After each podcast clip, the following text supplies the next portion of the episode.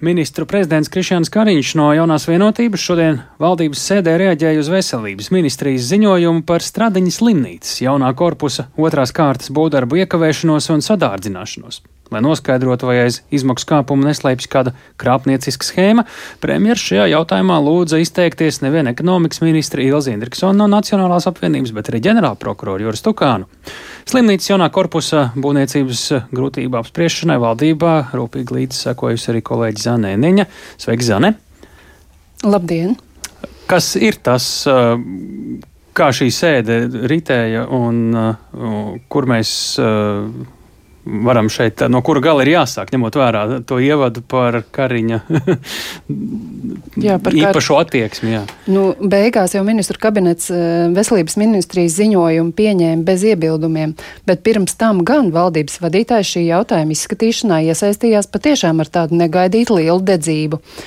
Kā mēs jau esam vēstījuši, Stradiņas slimnīcas jaunā korpusa otrās kārtas būvniecība ievērojami ir palēninājusies, lai neteiktu, ka apstājusies, un aprēķināts, ka dažādu iemeslu dēļ projekts sadārdzinājies par 16 miljoniem eiro eh, bet beigu termiņš ir pārbīdīts no šī gada māja uz nākamā gada jūniju, un uz to premjeras reaģēja ļoti asi. Paklausīsimies! Tas iemesls, kāpēc sadārdzinās, jo viss ir kļuvis dārgāks, bet viņam jau bija jābūt gatavam agrāk. Un tad viņš iznāk tā, es atvainojos, būvnieks velk, līdz kamēr viss ir dārgāks, un tad valsts maksā aizvien vairāk. Jūtās, bet paskaidrojiet, ka tas tā nav, ka kāds atkal būvnieki velk valsti aiz deguna. Un vai šie paši būvnieki ir tie paši karteļnieki? Jā, jāatgādina, ka Stradiņas slimnīcas jaunā korpusa otrās kārtas projekta īsteno būvfirma Vēlve. Un, lai noskaidrotu, vai, tas, eh, vai šī firma ir karteļnieks, kā teica premjers vai nē, viņš uzdeva jautājumu ģenerālprokuroram Jurim Stukānam, un lūk, ko viņš atbildēja. Šis uzņēmums ir atzinis, manuprāt, šo karteļa darbību, samaksāja sodu, un viņš netiesais pāri iesniedza sūdzības par konkurences padomas lēmumu, un tagad paies vairāki gadi, kamēr to lietu izskatīs. Ģenerāla prokurors arī norādīja, ka ņemot vērā bēdīgo pieredzi ar citiem iepriekš īstenotiem vērienīgiem celtniecības projektiem, tagad ir noteikts, ka līgumos ar būvniekiem jāietver indeksācija gan gadījumam, ja cenas kāpj, gan deflācijas gadījumā. Taču, kā norādīja ekonomikas ministra Ilza Indriksona no Nacionālās apvienības, šī prasība ir obligāta no šī gada sākuma, bet līgums par Stradiņas slimnīcas jauno korpusu ir noslēgts agrāk, 2020. gadā, un tajā šī indeksācija nebija ietverta projekta.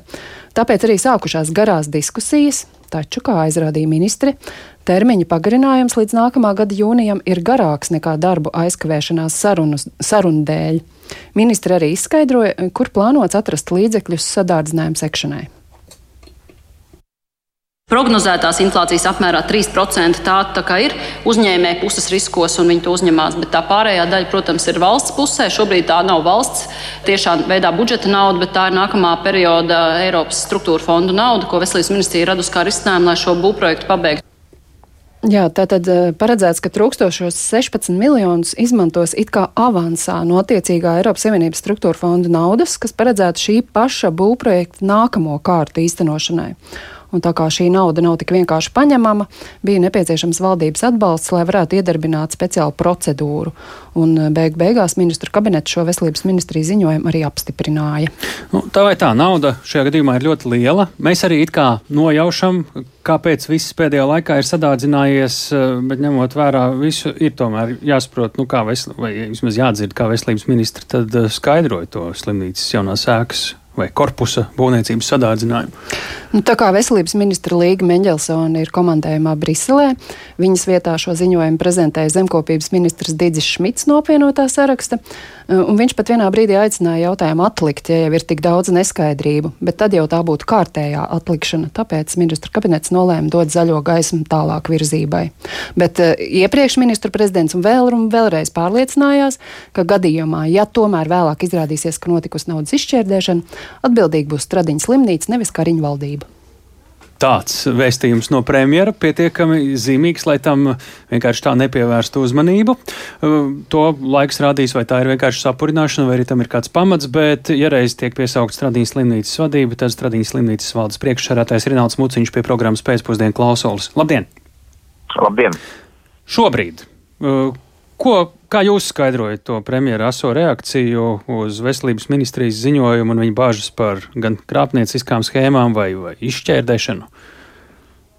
Ja, nu, es saprotu šīs bažas, gan jautājumu par uh, dalību kartelī, bet uh, jāsaprot, ka mēs visi piedzīvojam pēdējā gadā strauju cenu kāpumu un tāds pats šis kāpums ir bijis arī būvniecībā, tāpēc arī mēs kopš pagājušā gada maija jau vedām sarunas ar būvnieku par uh, to situāciju, kas ir radusies, un nu, tas ir tas risinājums, un kāpēc mums bija jāiesaista valdība, tāpēc, ka slimnīcai uh, nav naudas lai šo sadārdzinājumu se, nu, šo premjeras arī varētu saprast, kāpēc šāda papildus uzmanība jūsuprāt?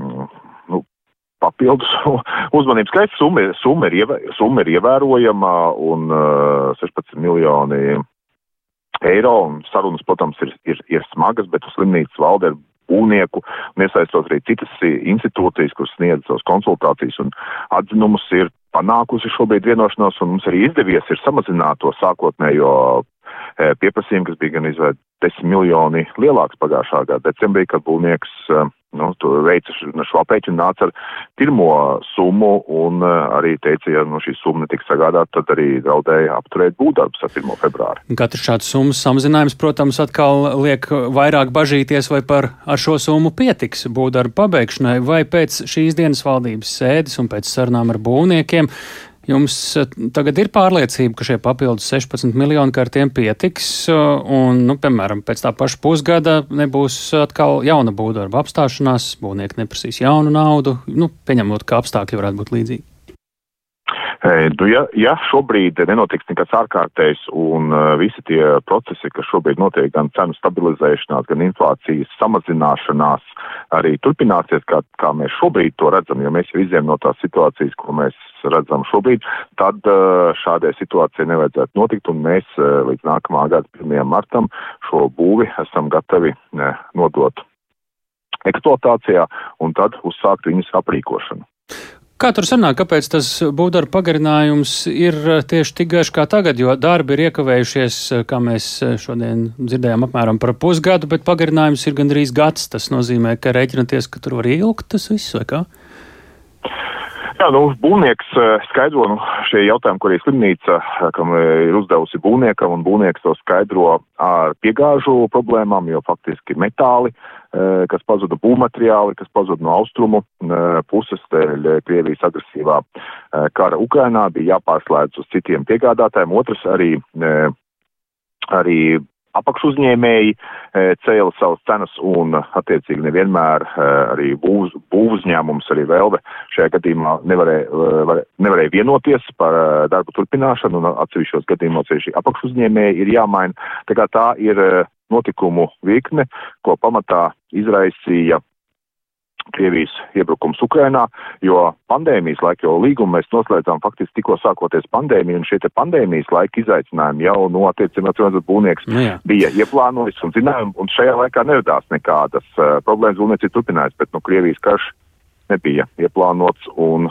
tas radīs attiecinājumus. Labi, ko jūs tagad valdībai, pacientiem, mediķiem pats sev sakāt, kad slimnīca vairs durvis, šis, kor, šis korpus?